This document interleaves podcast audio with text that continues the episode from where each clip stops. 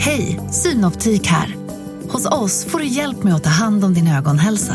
Med vår synundersökning kan vi upptäcka både synförändringar och tecken på vanliga ögonsjukdomar. Boka tid på synoptik.se.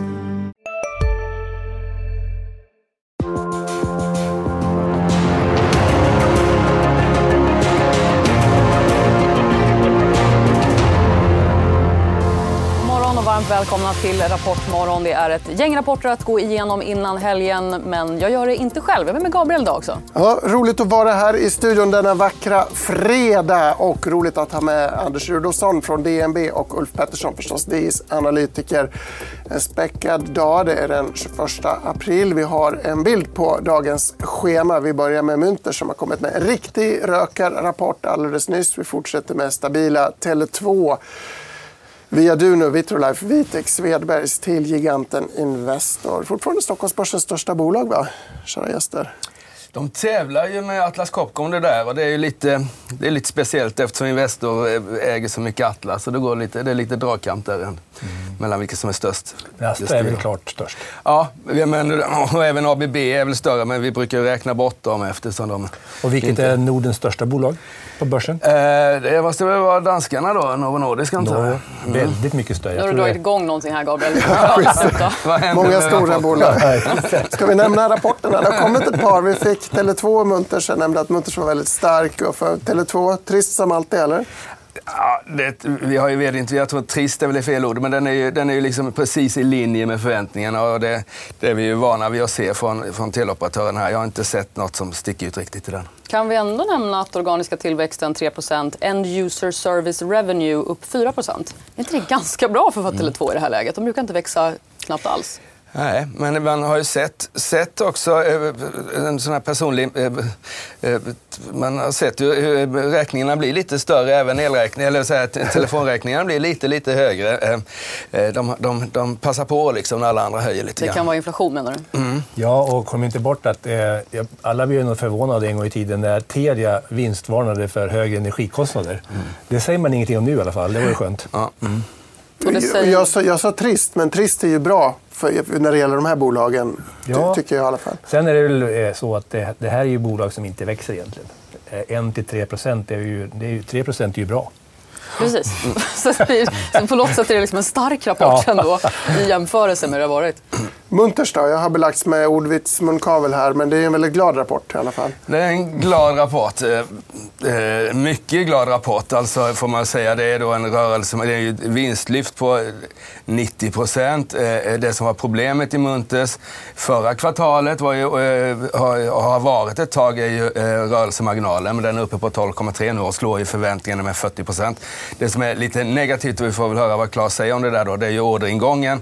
Även justerat för de här stora orderna så är det ner 18 procent. Vi får väl höra om han är, eh, tycker det är ett problem. Men de har ju en jätteorderstock att beta av så, mm. så det är liksom inte... Det, det, det var lite, lite marginalen var, var, var liksom frågetecknet och det, det rätar man ut nu. Det kan jag bara lägga till. Det, är ju, det påminner lite grann om Volvo. Som hade, man hade en stor orderbok.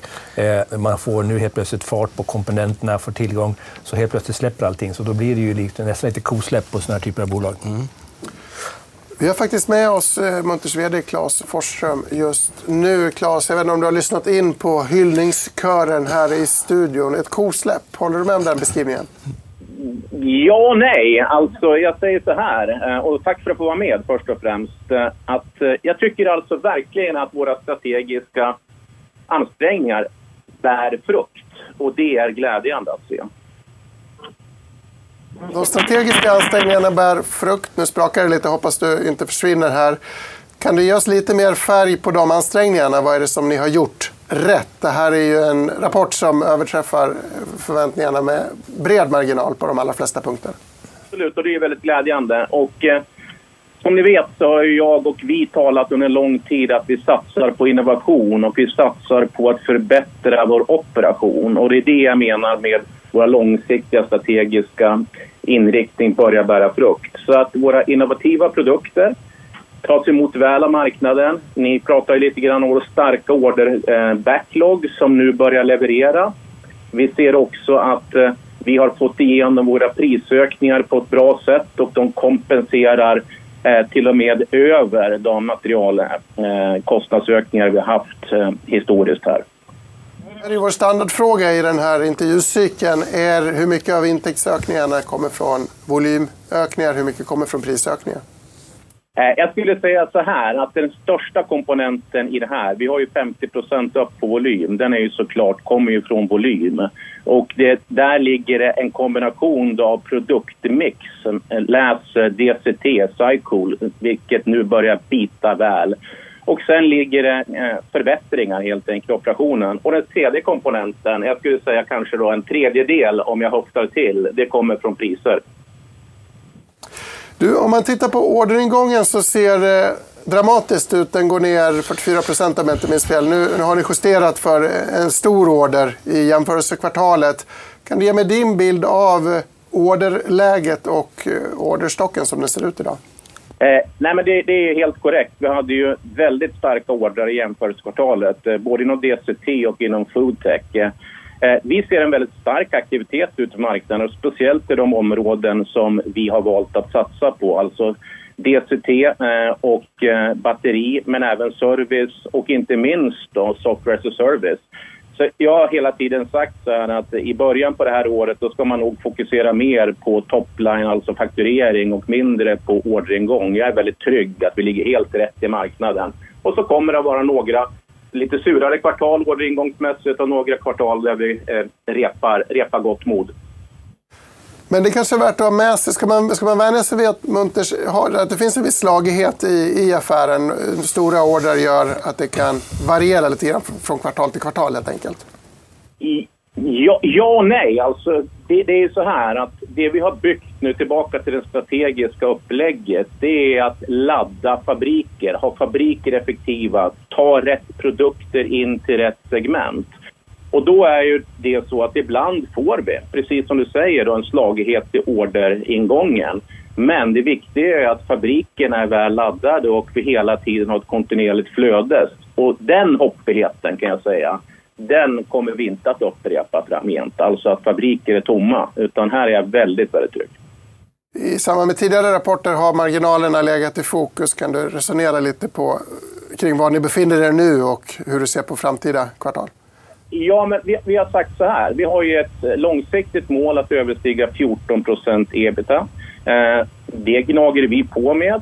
Eh, Ja, vi ger ju inga prognoser men att eh, det är glädjande att vi har börjat komma ut nu då från eh, allt för mycket trassel med eh, leveranskedjor. Eh, det är glädjande att vi har ett bra tryck. Framförallt vill jag framhålla DCT som under förra året som fick hyllningar för orderingång och kanske fick lite eh, pisk för eh, eh, mindre, lägre marginaler. De gör ju en god comeback i det här kvartalet och där har jag ju stuckit ut hakan och sagt att det ska ligga i, i rullande då, på 14 procent i slutet på året. Och det kommer jag inte att revidera efter det här kvartalet.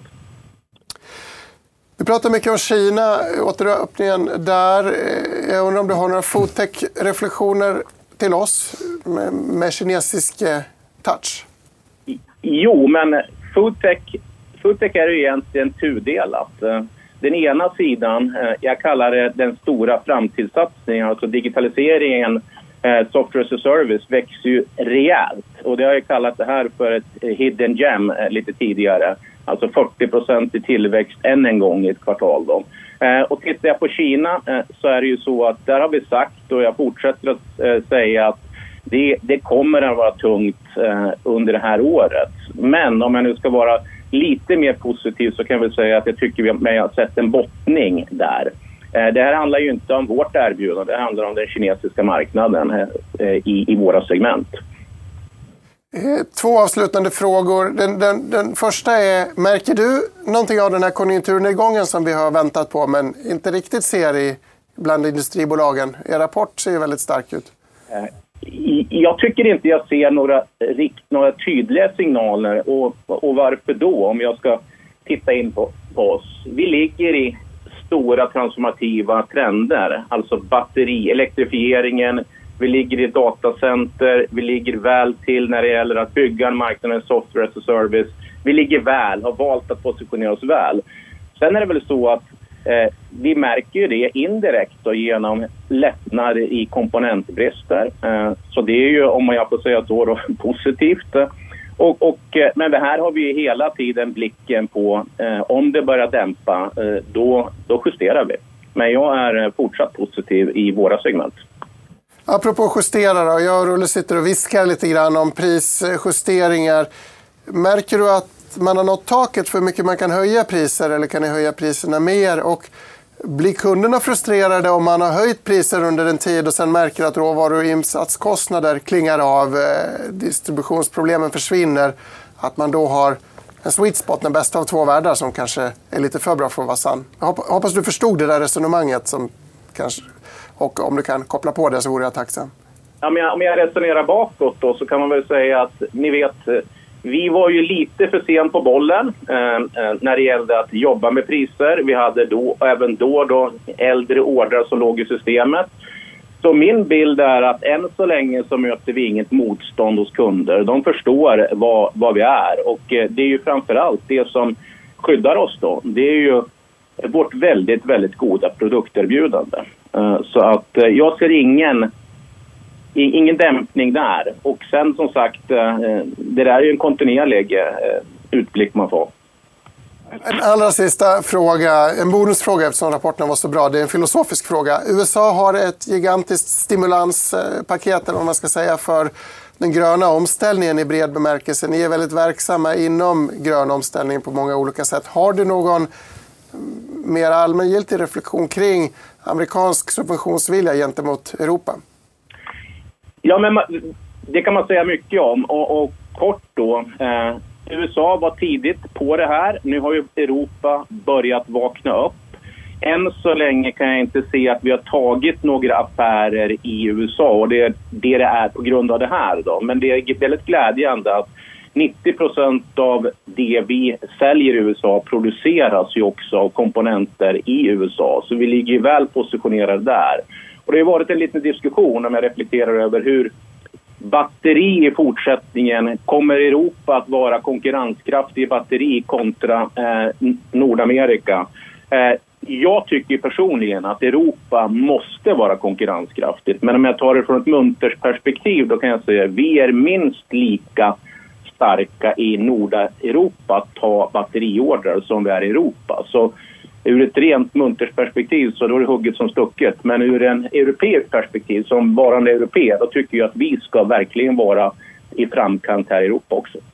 Europa två gånger, men du menade Nordamerika och Nordeuropa lika starka på båda kontinenterna, visst? Är det rätt då? Claes, eh, stort tack och stort grattis till en fantastisk rapport. Claes Forsström, förstås VD för Munters. Tankar ifrån panelen? Eh det är en jättestark rapport. Eh, framförallt rörelsemarginalen kommer folk uppskatta att man är på väg mot de här 14 procenten. Eh, den har gått gått ganska svagt sista tiden. Det var en Q4 där de hade en cancellerad order plus att den hade gått väldigt kraftigt inför Q4. Eh, så den har kommit ner nu en del. Så det, det kan nog bli dagens rapportvinnare, möjligtvis i konkurrens med eh, Duni då, som också har kommit med en jättebra rapport. Samtidigt har ju Munters ändå stigit över 60 procent sett till ett år. Ja, det har de. Det har de. Det har de. Men, eh, men man förväntar sig en vinsttillväxt och det kommer nog revideras här på 40-45 procent i år. Så de, det är så att inte, P talet har inte dragit iväg jättemycket. Det är ju lite högre värderat än, än andra verkstadsbolag. Men det har att göra med det här med data och de här stora orderna de har fått in. Då. Det är två, två delar som växer där. Det är ju till datacenter och sen så är det till batterifabriker, elbilsbatterifabriker. Och det, det är två tillväxtsektorer. Ska vi titta lite på Duni också innan vi släpper in Tele2 i, i samtalet? Ett rörelseresultat som når 111 miljoner. Det kan man jämföras med 26 föregående år som kanske var lite pandemirestrikterat fortfarande. Det var det. Vi hade ju en eh, förhoppningsvis sista sväng av pandemi Q1 eh, eh 22 så det, det, det är lätta jämförelsetal men ändå är det en väldigt stark utveckling här.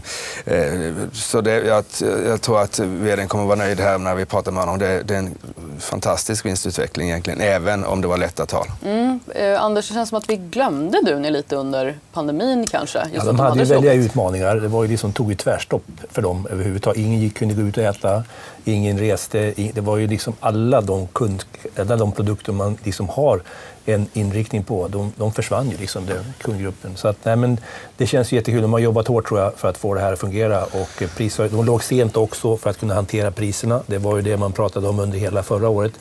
Eh, så att eh, det är ju en fantastisk rapport. Och det som är intressant, det ska bli intressant så småningom när Electrolux Professional kommer med sin rapport. För det är ju naturligtvis, de hänger ihop mm. lite grann där. Mm. Och, och fortfarande just med pandemin här, alltså, det är ju, det är ju trots att den har stigit en del mot slut så är det en av få aktier som liksom står, står lägre än, än före pandemin. Så att säga. Mm. Ganska rejält, det är 30 procent lägre. Så den har ju kvar, kvar att återhämta en del. Chans till revansch alltså, kanske för Duni och Electrolux Professional? Ja, det mm. tror jag. Vi lämnar den cliffhangern tills vidare, för nu ska vi prata om Tele2, helt annan verksamhet. Och som vi sa, då, första kvartalet var ju väldigt i linje med förväntningarna. Ebitda-AL, som man brukar använda sig av, blev 2,5 miljard, typ som förväntat. Nettoomsättningen 7 miljarder. Den organiska tillväxten av det var 3. Och så det här End User Service Revenue steg alltså 4% till drygt 5 miljarder. Vi har också med oss Kjell Jonsen. God morgon Kjell. Hur började året tycker du? God morgon. Jag syns det startat bra. Det har varit viktigt för oss att upprätthålla en bra tillväxt och det har vi gjort. I det långa löpet så är det tillväxten som avgör succé eller inte succé på denna branschen och vi har fått det till. Så har vi haft ett stort volym på utbyggnad av riktig 5G och då menar jag högfrekvent 5G som ger den brukarupplevelsen som man förväntar av en helt ny teknologi. Och så var det mycket snack om eh, working capital för Tele2 och hela branschen i fjol. Eh, Dere jag ser att nu har vi kontroll på detta og och vi har en förbättring kvartal, i detta kvartalet från, fra, tidigare. Så at även om vi har historiskt høyt byggenivå på 5G och är i en så ser vi första kvartalet i år med en högre free cash flow än vi hade första kvartalet i fjol. Så vi har många ting att jobba med i Tele2 framöver, men vi är i en, i en bra riktning många trådar jag vill plocka upp där också. Men jag vill börja med tillväxten eftersom att vi just undrar om det framförallt är prishöjningarna som gör att tillväxten finns den här perioden eller kvartalet överhuvudtaget eller om det också är ökningar i volym och efterfrågan. Ja, det är faktiskt inte prisökningar i så stor grad. Vi är lite ute av fas på prisökningen för att i fjol införde vi en innovation i det svenska marknaden där vi slog samman linjär-tv och eh, streaming i den avtal som vi gjorde med Viaplay som senare, senare har blivit kopierat av andra. Eh, och då gjorde vi mindre prisningsaktivitet på stora delar av vår verksamhet än vi ville gjort i ett normalår. Så det att vi har högre tillväxt nu skyldes ju en stark leverans i B2B och en stark leverans i Baltikum. Och så har vår B2C-verksamhet gjort det strategiskt riktigt i 2022 med att stabilisera TV-verksamheten. I år är vi tillbaka i normal fas med dessa prisökningarna. Så jag förväntar starkare andra halvår enn første halvår for TV2. Vi hadde også unormalt lave kontentkostnader i første halvår 2022. Så dette kommer sammen på en måte som gjør at den tilveksten vi ser nå, den vil materialisere seg i bedre lønnsomhet og ebitda etter hvert som vi kommer senere ut i året. Så förstår jag det rätt om ni snarare har prishöjningar framför er?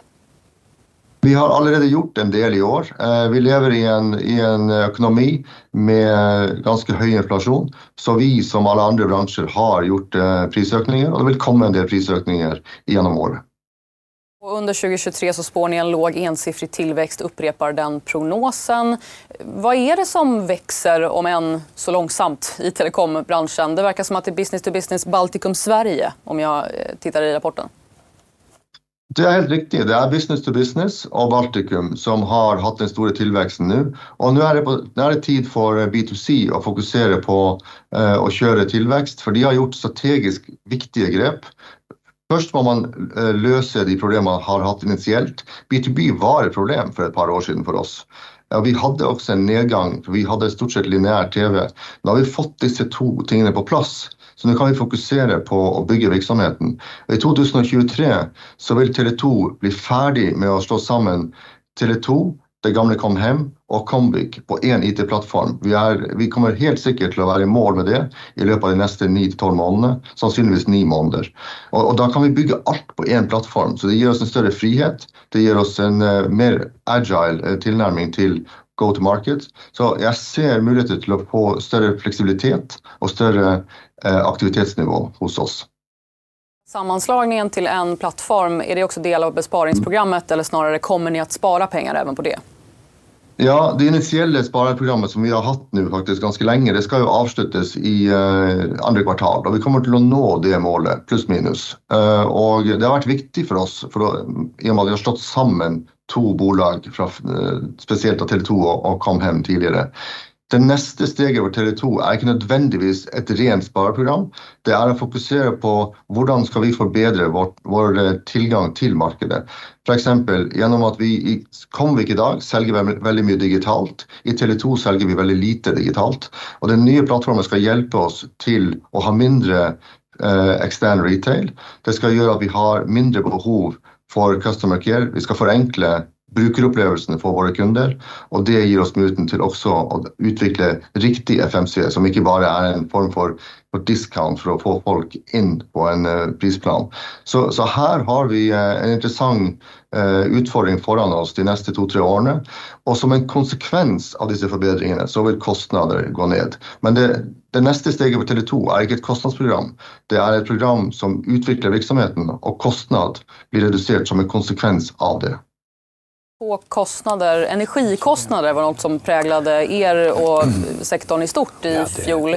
Har det blivit bättre eller ska det bli ännu och bättre? Vi hade en ebit på 100. Ja, alltså, nu har eh, energikostnader marginal betydning för, för detta kvartalet. Eh, du vi hade väl en, en netto kanske extra kostnad på runt 80 miljoner kronor om jag husker riktigt. Så, så det är inte något stort, eh, stor påverkan och jag är väldigt glad för att detta har stabiliserat sig. Det är viktigt för Tele2 och det är viktigt för hela samhället.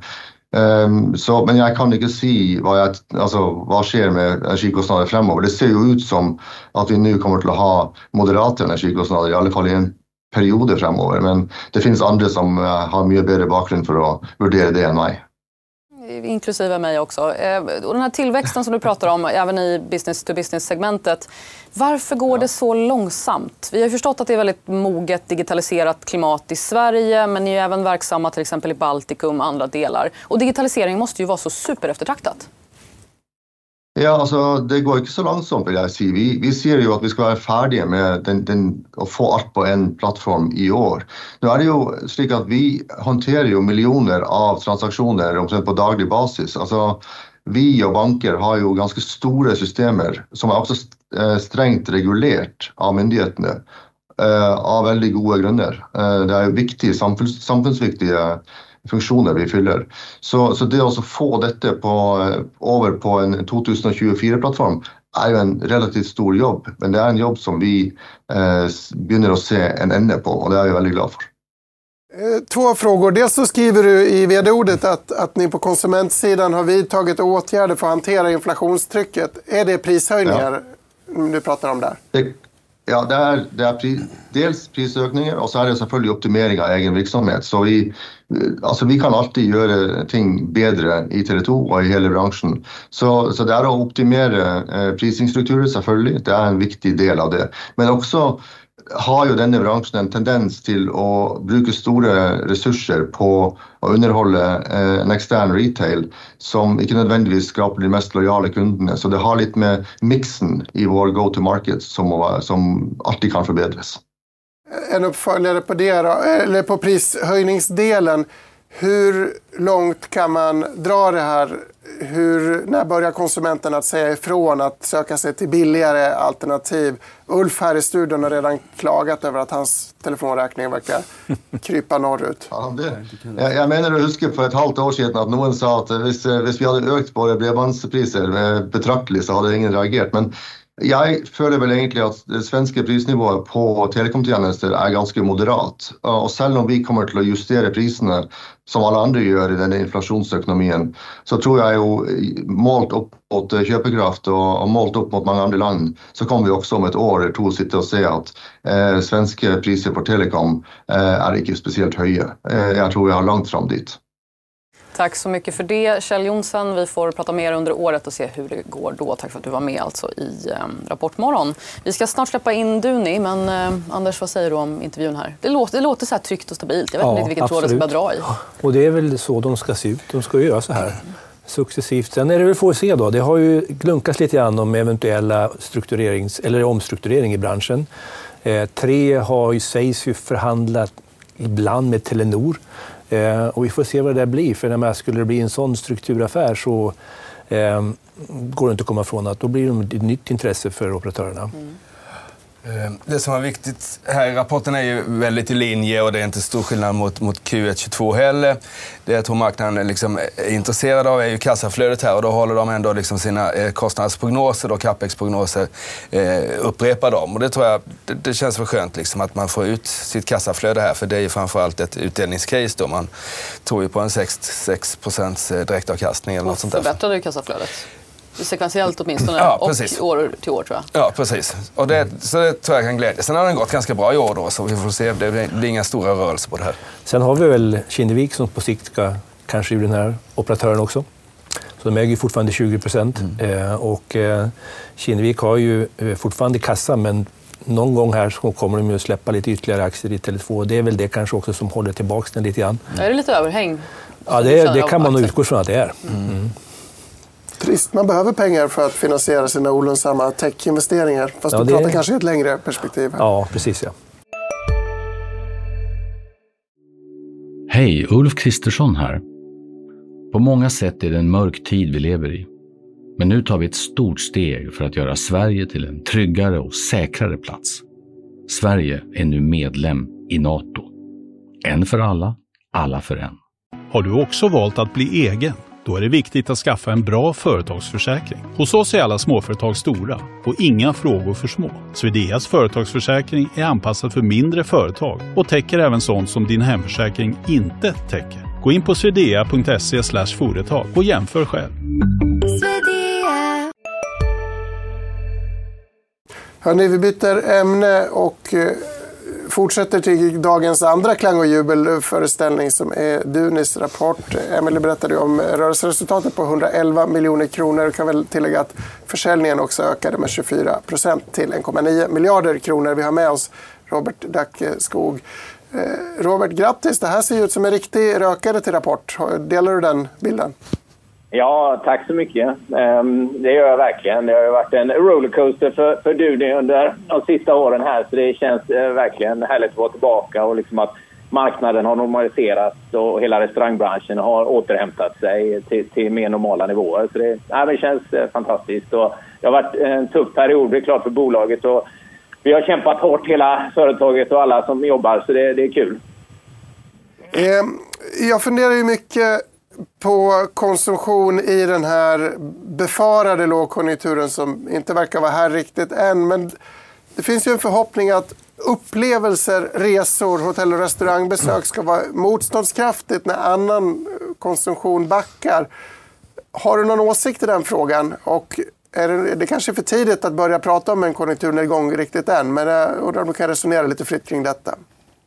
Ja, nej, jag, lite, jag håller med dig där. Liksom att det har ju, det är väl, redan i höstas började man tänka och hur ska 2023 bli och så här kommer folk gå ut och äta. Men jag tror att just upplevelsen av att ja, mötas igen, umgås med sina vänner över mat är, är ju väldigt stark. Och vi ser ju även resor är ju liksom kopplat till det här att folk, ja, folk har ett väldigt behov av att mötas och umgås igen. Så att just vi, vi har ju inte sett någon eh, nedgång i efterfrågan här. Och det är klart, vi möter ju då eh, ett första kvartal förra året med väldigt mycket restriktioner. Men om man tar sista nio månaderna nu så har det ju varit en ja, uppgång. Och tittar man på, vi har ju följt det här Open Table, kan man titta på bokningar så under hösten var ju det högre än 2019 bokningarna i Europa då i Tyskland och, och Sverige och så. Så att än ser vi ingenting och man hoppas väl liksom att eh, det kanske är andra saker man sparar in på nu. Det, det, det är klart man har investerat ganska mycket hemma kanske.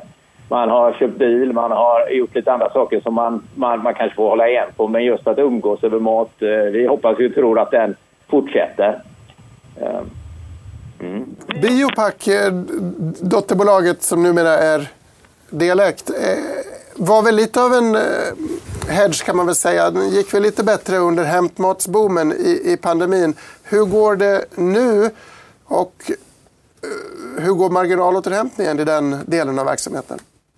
Ja, den, eh, om vi tittar tillbaka lite så var ju det, det var ju fantastiskt att ha hela den här delen med förpackningen under pandemin. För det var ju liksom en balans till när, när restaurangerna stängde och vi inte hade någon försäljning på servetter och dukar och annat så var ju förpackningarna som gick otroligt bra under pandemin. Sen möter vi ju då en, en förändring i beteendet att eh, ja, människorna sätter sig ner och äter på restauranger istället för kanske eh, tar mindre takeaway egentligen då. Så vi, vi, ser väl i Europa en, en, en liten eh, eh nedgång på det och vi möter rätt eh, ja, eh, tuffa siffror kanske i Tyskland, Italien framför allt eh, med det.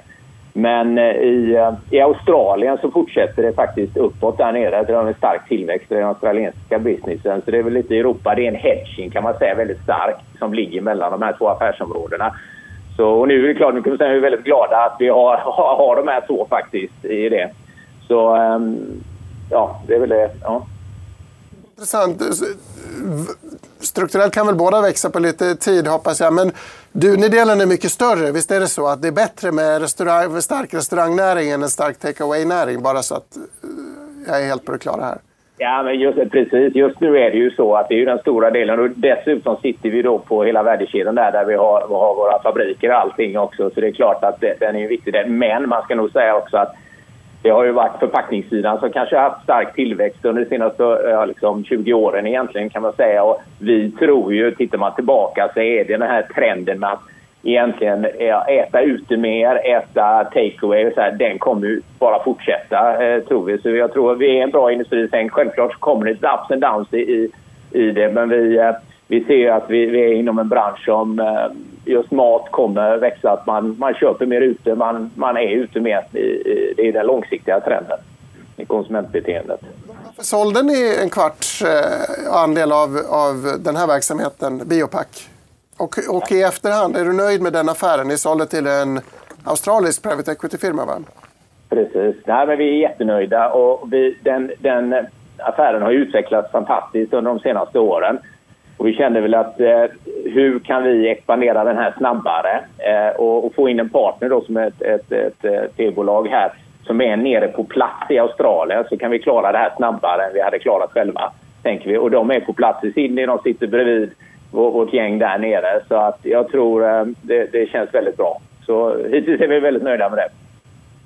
Okej, okay, den eviga frågan vi ställer till alla gäster är ju Växer omsättningen på grund av höjda priser eller på grund av ökad volym? Kan du ge mig en känsla för dynamiken där? Jag kan säga, I kvartal ett här så är det klart ökade volymen är en enormt stor del i att vi hade ett Q1 med mycket restriktioner förra året, framförallt på servettsidan. Då. Men man kan väl säga att det är ungefär hälften hälften. Så vi, vi har jobbat hårt med att priskompensera. Det är liksom att kompensera den inflationen som är och vi ökar vår bruttomarginal med 2% men vi är inte riktigt tillbaka till 2019 än. Då. Men vi, vi har kompenserat eh, bra och vi har fått ökade volymer så vi har väl ungefär hälften hälften där. Ja, vi ska med rulla här lite. Ja, hej, Anders Rudolfsson här. Jag tänkte på, nu är det ju liksom, aktien har ju successivt kommit tillbaks och eh, tror du att den här trenden med konsumenterna liksom är tillbaks på eh, och kommer att bestå här? För det är liksom, lite grann likadant där, att man är liksom, eh, alla är ju präglade av pandemin och hittar man något nytt konsumtionsmönster, konsument, konsumentmönster som du noterar i, i det här läget just nu? Jag, jag, jag, tror man har vant sig mer Vi kanske att ta mer hämtmat och de här delarna. Det tror jag att konsumtionsmönstret kommer, kommer, kommer liksom bestå, att man beställer kanske mer så. så jag tror att, och jag tror faktiskt att hela restaurangnäringen kom, har liksom får en, en skjuts av det. För jag, jag har stark tro på det här att vi kommer äta mer och mer, eller vi, vi vill ha mer och mer service kan man ju säga. Vi lagar kanske mindre mat i framtiden också men att vi, lite, vi ligger väl eh, 15 år efter USA liksom med det här. Och det är bara att titta liksom hur den trenden har varit där. Så jag tror lite har nog pandemin spelat in att man är nog mer snabbare. Det har kommit nya lösningar, lättare att beställa. Du har ju alla som hämtar och lämnar mat också. Så det, det kommer nog göra sitt på den sidan framför allt.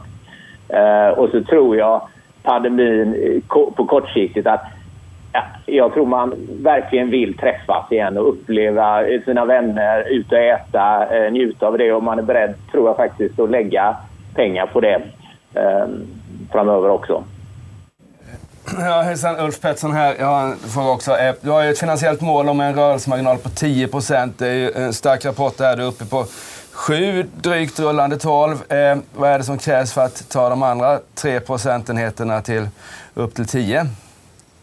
Ja, nu, ja vi, vi har jobbat med att eh, priskompensera hela tiden och legat lite efter i det kan man säga. Så den laggen eh, hoppas vi nu liksom att täcka här framöver egentligen. Så det är väl liksom, vi har varit lite legat lite efter. Vi har jagat den här rullande vagnen hela tiden som vi har, har pratat om det tidigare. Liksom, att det har kommit nya saker hela tiden och det tar ju lite tid i branschen. Och, eftersom det är många led att, att eh, höja så. Så, så vi, eh, vi hoppas att vi jobbar vidare med det.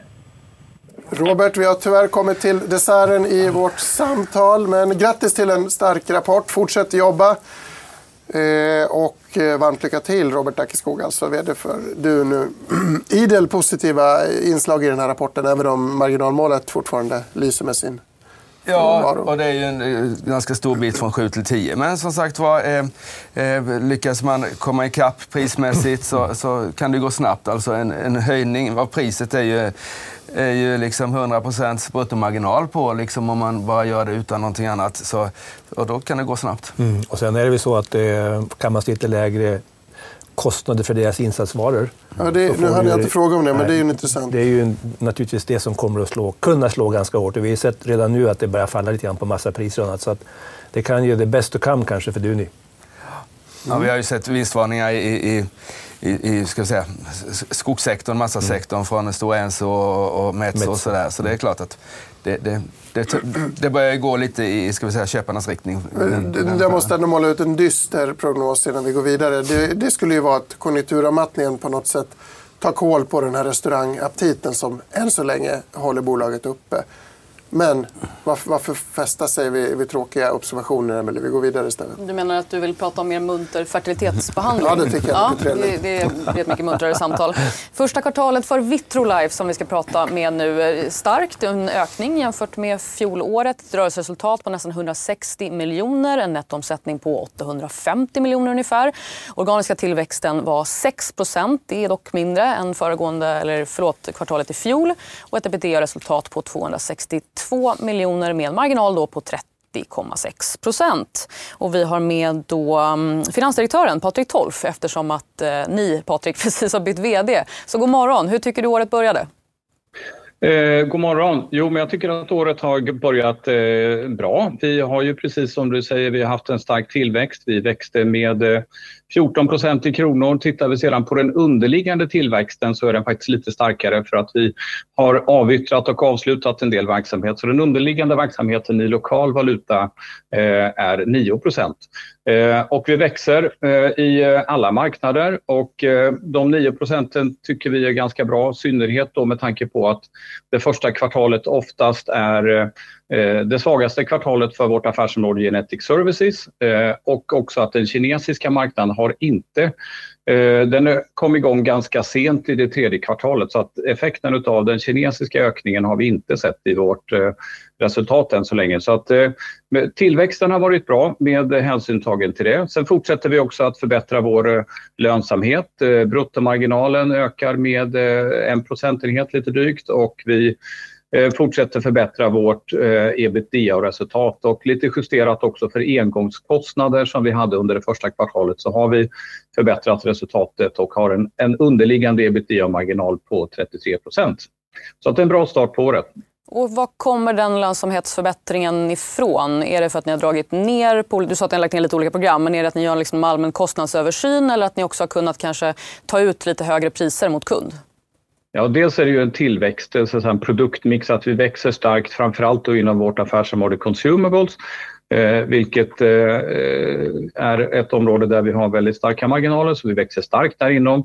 Eh, sedan så har vi arbetat väldigt intensivt under det förra året då med vår eh, kostnadsmassa då för Genetic Services. Så att även om så att säga, volymökningen inte har riktigt kickat igång i det första kvartalet för Genetic Services så har vi en lägre kostnadsbas. Eh, så att eh, det är bidragande orsaker till att vi har förbättrat vår lönsamhet. Genetic Services står som att ni tidigare under fjolåret aviserade just att ni ska lägga om strategin, fokusera mer på lönsamhet. Är det färdigt där? Alltså har ni tagit ut så mycket marginalökningar som ni kan inom det området? Nej, vi har börjat den resan. Eh, vi, vi arbetar, eh, dels har vi ju då fokuserat på det som är fertilitet. Det fanns ett par andra områden som vi nu har eh, avyttrat och stöpt om och fokuserar fullt ut på fertilitetsdelarna. Men, men vi jobbar det som vi kallar för operational excellence och handlar om att få upp ytterligare labbeffektiviteten i våra labb och att kunna driva den verksamheten på ett mer lönsamt sätt framåt. Så det är en början. Sedan så så jobbar vi också väldigt aktivt då, för nu har vi ju eh, två stycken enheter i nya Vitrolife Group med då det tidigare Vitrolife om vi ser så med medic Medical Device-delarna tillsammans med Genetic Services-delarna. Så nu har vi ju två kompetensområden och vi har då skapat en gemensam sälj och marknadsorganisation. Så att det här är en början på det som vi jobbar med framöver. Måste, du var inne på just att det, dels att ni växer i alla marknader och sen att Kina har öppnat upp men att det inte kanske har kommit igång så pass som man kan tänka sig eller får hoppas för er del. Eh, vi frågar ju de flesta bolag om man märker av någon form av lågkonjunktur och det har ju slagit väldigt olika beroende på vilken verksamhet man har. Misstänker i och för sig att er verksamhet är lite mindre cyklisk men är det någonting ni känner av att det är stora makrorörelser och att det är oroligt där ute? Eh, nej, men det är klart att det är fortfarande så att 80-85 procent av alla fertilitetsbehandlingar betalas eh, utifrån en egen ficka. Eh, så att det är klart att det har en viss påverkan. Samtidigt så är det ju då drivkrafterna som går åt andra hållet med olika typer av försäkringssystem. Eh, för att det finns ett behov, i synnerhet i vissa länder, då, att stärka fertilitetsbehandlingarna. Eh, och vi har ju sett under förra året så infördes ett, ett eh, så kallat reimbursement program i Japan eh, och eh, motsvarande aktiviteter händer i många andra marknader och i USA så jobbar man väldigt intensivt med olika typer av försäkringslösningar. Eh, för att eh, få till eh, fertilitetsbehandlingar. Men då blir det oftast kanske via arbetsgivare som det erbjuds olika typer av lösningar. Ja, om jag har läst rätt så verkar det vara någon form av uppsving för IVF-behandlingar just i USA. Lite för att det är mycket som då börjar täckas mm. av deras sjukförsäkringar. Mm. Hur mm. mycket mm. närvaro har ni? Är det en priomarknad att satsa på och inte konkurrensen jättehård? Eh, absolut, och det är ju nu i, tack, eller i och med förvärvet av Genetic Services vår enskilt största marknad. Så att eh, det är ju ett område där eh, vi eh, definitivt har högsta prioritet och vi är väldigt närvarande där. Och, eh, Eh, det gäller ju då för vår del att fortsatt vara med i eh, den typen av dialoger med försäkringssystem, försäkringslösningar eh, som vi är då med Genetic Services, framförallt i USA. Sen säljer vi naturligtvis consumables, eller consumables produkterna också medan Technologies är en lite mindre marknad för oss i USA. Medan den största marknaden då för Technologies-produkterna är framförallt i ja, APAC och Europa. Jag ber dig till sist, Patrik, att blicka framåt med tanke på det du sa kanske att Kina inte riktigt har kommit igång till mm. er fulla kapacitet. Hur ser du på resten av året? Vad förväntar du dig? Nej, men den kinesiska marknaden, om vi börjar där, så var det en stark återhämtning då i eh, eh, den senare delen, i mars kan man väl säga egentligen också. Så att, eh, där förväntar vi oss en, en, eh, en fortsatt ökning. Eh, det är ju frågan om hur stort så att säga, pent-up demand är. Det är klart att vi har sett liknande effekter i eh, andra marknader här. När man har kommit tillbaka från covid så har det ökat väldigt mycket. Och, eh, det Covid-effekterna i kombination med att det finns ett underliggande behov eh, i Kina gör väl att den kinesiska marknaden kommer att öka ganska mycket eh, framåt. Sedan så fortsätter vi att arbeta utifrån våra långsiktiga målsättningar så att eh, vi ser väldigt, väldigt positivt på 2023 framåt helt enkelt. Jag tycker det är skönt att det finns optimister kvar efter ett ja. väldigt kast start på 2020. Tack så mycket Patrik Toll för att du var med i DTV. Ja, är ni lika optimistiska i studion? Uh, ja, men det är ju en rapport uh, uh, i linje med förväntningarna får man väl säga. Kanske något över på omsättning och i linje på, på resultatet. Så, och så där får vi se vad, hur marknaden tar emot det. Då. Vår kollega Rickard Brås har skrivit en lång artikel om Vitrolife där han är väldigt så att säga, pessimistisk till det här italienska storförvärvet de gjorde för ett par år sedan och utvecklingen där. Då. Och, och, det är klart att, att eh, den organiska tillväxten, de har ett mål på 20, de har 9 nu justerat för lite försäljning och sådär. Så det, men, men å andra sidan så, så, så tror jag mycket på den här, liksom, dels Japan. Eh, de har ju problem med sin demografi på riktigt. Eh, och sen så har vi då Kina som har varit nedstängt och det är klart att det, det bör ju vara lite kosläpp. Jag vet inte vem som använder ordet kosläpp här, men det bör vara lite kinesisk fertilitetskosläpp också så småningom. Men lite avvaktande tolkar jag. Jag läste Rickard Brosses artikel i gårdagens DI.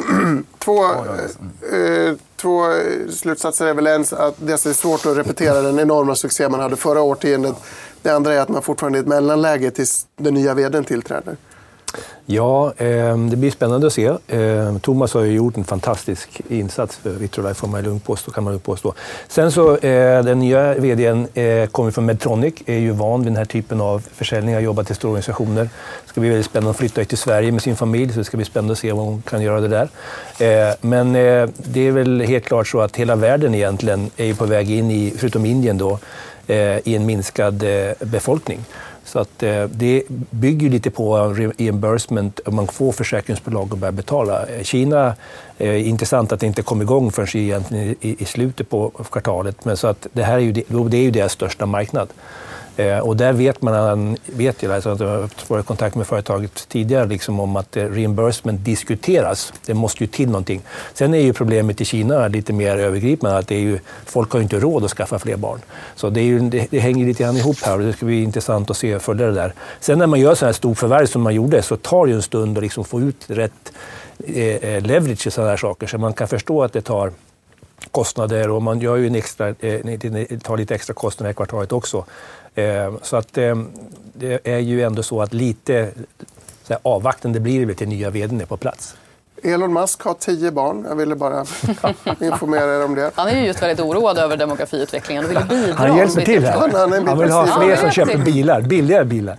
Vi kan prata om Elon Musks billigare bilar lite senare. Det är faktiskt ett, ett eh, paradämne. Vi har både bra och dåliga bilnyheter att smälta. Mycket att avhandla i dagens program. Men vi har ytterligare en stark rapport att konfrontera innan vi kommer dit, nämligen Vitec. Vi ska alltså bege oss till Umeå, och programvarubolaget som såg eh, en omsättning på 613 miljoner kronor. En bra bit över Pinpoint konsensus på 587,9. Ebitda på eh, 185 stiger med 42 procent och ligger också det långt över förväntat. Olle Backman, roligt att ha dig med. Varmt grattis får jag säga. Det här ser ut som en väldigt stark rapport. Hur, hur, hur lyder din bild av läget? Eh, tack så mycket. Jo, nej, men det är vi är naturligtvis eh, jättenöjda. Eh, ökar vi intäkterna med 37 och resultatet med 42 procent. Vi tar ett kliv till på marginalökning upp till 30 procent på ebita. Eh, gjorde ett bra förvärv till under kvartalet. Ehm, kassaflödena är okej. Okay så nej, men det är vi är överlag väldigt nöjda eh, vad vi ser. Så det, det är en stark rapport tycker vi. Du skriver i din kommentar att, att ni noterar en viss tröghet i nyförsäljning eh, inom vissa områden eller vissa delar av kundstocken medan andra utvecklas mycket väl. Kan du ge mig en liten känsla för vilka sektorer och branscher det är som har det tufft? Det vi, där vi har lite trögare, det är väl framförallt det som är mer konsumentnära. Vi har inte direkt eh, kontakt med, med konsumenterna, men där vi har bilverkstäder, frisörer, eh, sådana bitar, där, där är det ju lite trögare.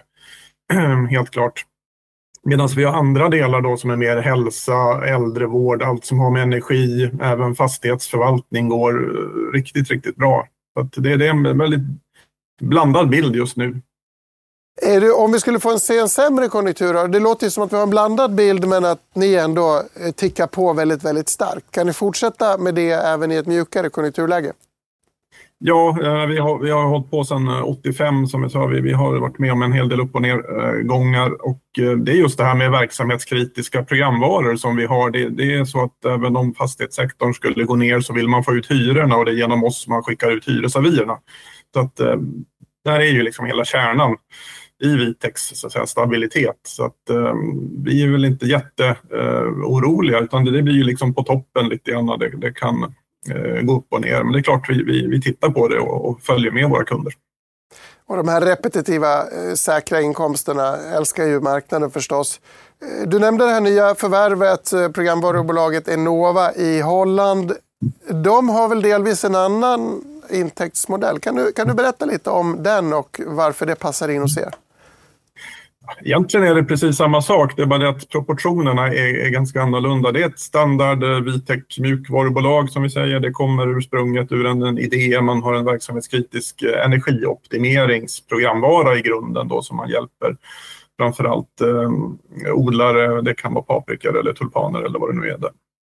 Eh, sen har man upptäckt att man kan pola den här överskottskapaciteten på energin och eh, sälja den då på, på balansmarknaden till eh, så att säga, nätägaren då, Tenet i, i Nederländerna, motsvarigheten till Svenska kraftnät. Och ju mer förnyelsebart som kommer in i energimixen desto större behov är det för den här balanskraften. Så det där är ju eh, ett mervärde som vi kan ge till våra kunder. Och det är klart att det där har ju bara växt sig otroligt stort i, i den här tiden som har varit, så det har ju dragit iväg. Så att den rörliga komponenten är ju större hos dem, men i grunden är det precis likadant mjukvarubolag som alla andra, alla andra vi har. Eh, så att det är därför vi också väljer att särredovisa nu de här eh, rörliga delarna som vi har. Vi har alltid haft det. Det kan vara sms. Eh, när du budar på en lägenhet så, så tickar det iväg några kronor till Vitec på varje sms som du kör iväg till exempel. Så att, eh, vi ser väl mer och mer av sådana här värdeadderande tjänster som vi kan lägga på. Eh, men det är inte där våra utvecklingsresurser eller vi organiserar oss inte efter de intäkterna utan det där är verkligen på toppen grejer. Det låter som en spännande krydda ändå, intressant eh, område. Du, jag skrev en artikel här om veckan om bolag som både höjer utdelningen, man delar ut pengar och tar in pengar i en ny emission i den, det är många bolag som gör det här. Ni är ett av dem. Kan inte du resonera lite kring den manövern? Många uppfattar det som lite dubbelt att ta med ena handen och dela ut med den andra. Eh, det kan jag förstå att man, man, man tycker. Så att säga. Vi, vi har ju nu en policy där vi ser att så länge vi kan fortsätta och, och stötta vår affärsidé som är då både att förvärva och växa organiskt eh, och fortsatt så att säga, ge en, en eh, utdelning som är en tredjedel av, av nettoresultatet då, så, så har vi tyckt att det fungerar och det är alltid upp till aktieägarna att bestämma eh, på stämman med styrelsen och, och, vi har resonerat att eh, det, vi kan fortfarande göra bägge två. Eh, men det är ju en diskussion som vi tar inför varje år och årsstämma och vi har lyckats behålla den här balansen nu i 21 år så att vi tycker nog det det funkar för oss. För Pettersson här. Eh, personal är ju en, en viktig, viktig tillgång hos er. Eh, det är en stor kostnadspost och, sådär och viktig för att driva verksamheten. Hur, hur, är, eh, hur är det att hitta folk för det första och hur ser du på löneutvecklingen här? Vi har ju fått ett industriavtal och hur, hur, hur ser det ut hos er? Och går det att kompensera för det ut mot kund så att säga eller kommer det bli en marginalpress av stigande löner? Eh, de flesta av våra de här abonnemangsbaserade intäkterna är ju indexbaserade i sin grund. Så då har vi under de åren nu fram till i fjol i princip haft otroligt modesta prishöjningar. Så att vi höjde ju lite grann i fjol och det har naturligtvis en större möjlighet. Så att ja, vi kan kompensera oss med en viss eftersläpning får man väl säga. Vi har liksom en gång per år som, som vi justerar priser ofta. Eh, vad vi ser på tillgång till personal, det är mycket riktigt, det är ju den stora svårigheten i den här branschen. Vi eftertraktad kompetens som vi är ute efter. Vi har väl ändå märkt, och då är det på marginalen, lite lättare faktiskt för, för bolag som, som kanske har ett uh, lite större stabilitet. När, när även eh, tekniker och programmerare tittar på vart man ska jobba uh, jämfört med, med kanske lite mer volatila bolag. Så att, uh, vi har väl märkt av en liten, liten lättnad på att faktiskt få tag i folk på sista tiden. Och vad gäller löneökningarna, vi, vi följer i princip de avtalsmässiga eh, i alla våra, vi har ju verksamhet nu i elva länder. Och eh, vi har väl inte sett några de har skenat iväg någonting utan man håller sig på de, eh, de avtalade nivåerna. Olle Backman, stort tack för att du varit med och varmt grattis igen för, till den starka rapporten ifrån Vitec. Tänkte vi kan titta på en bild ifrån Pinpoint eh, där vi ser konsensus. Det finns inte så många analytikerprognoser här så vi har tagit fram den här istället. Man förväntade sig alltså en nettoomsättning på 588 miljoner, kom in långt över på 613. Ebitda ligger här på 171 men resultatet blev 185. En väldigt stark rapport helt enkelt högt över förväntningarna. Ja, men det är ju, de här har ju en affärsmodell som förmodligen väldigt många företag skulle ha. Recurring revenue så att det är 83 procent eh, är ju väldigt stabilt eh, och kan man säga. Så att eh, här handlar det mer om att verkligen behålla det där. Eh, om, kommer, om, man kommer ihåg så när man började prata om det här så är det ju en 7, 8, 10 år sedan.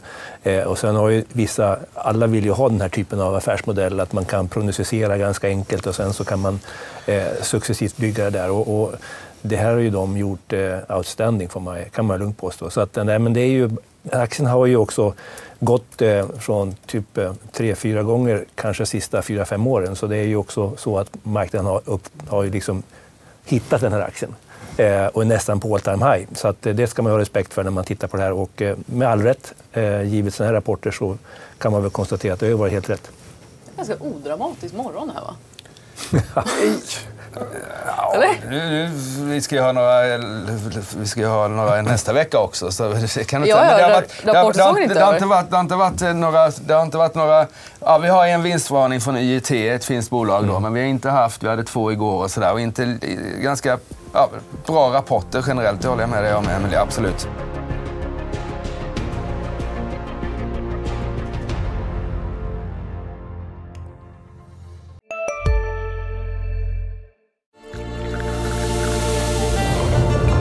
Välkommen till Maccafé på utvalda McDonalds restauranger med Baristakaffe till rimligt pris.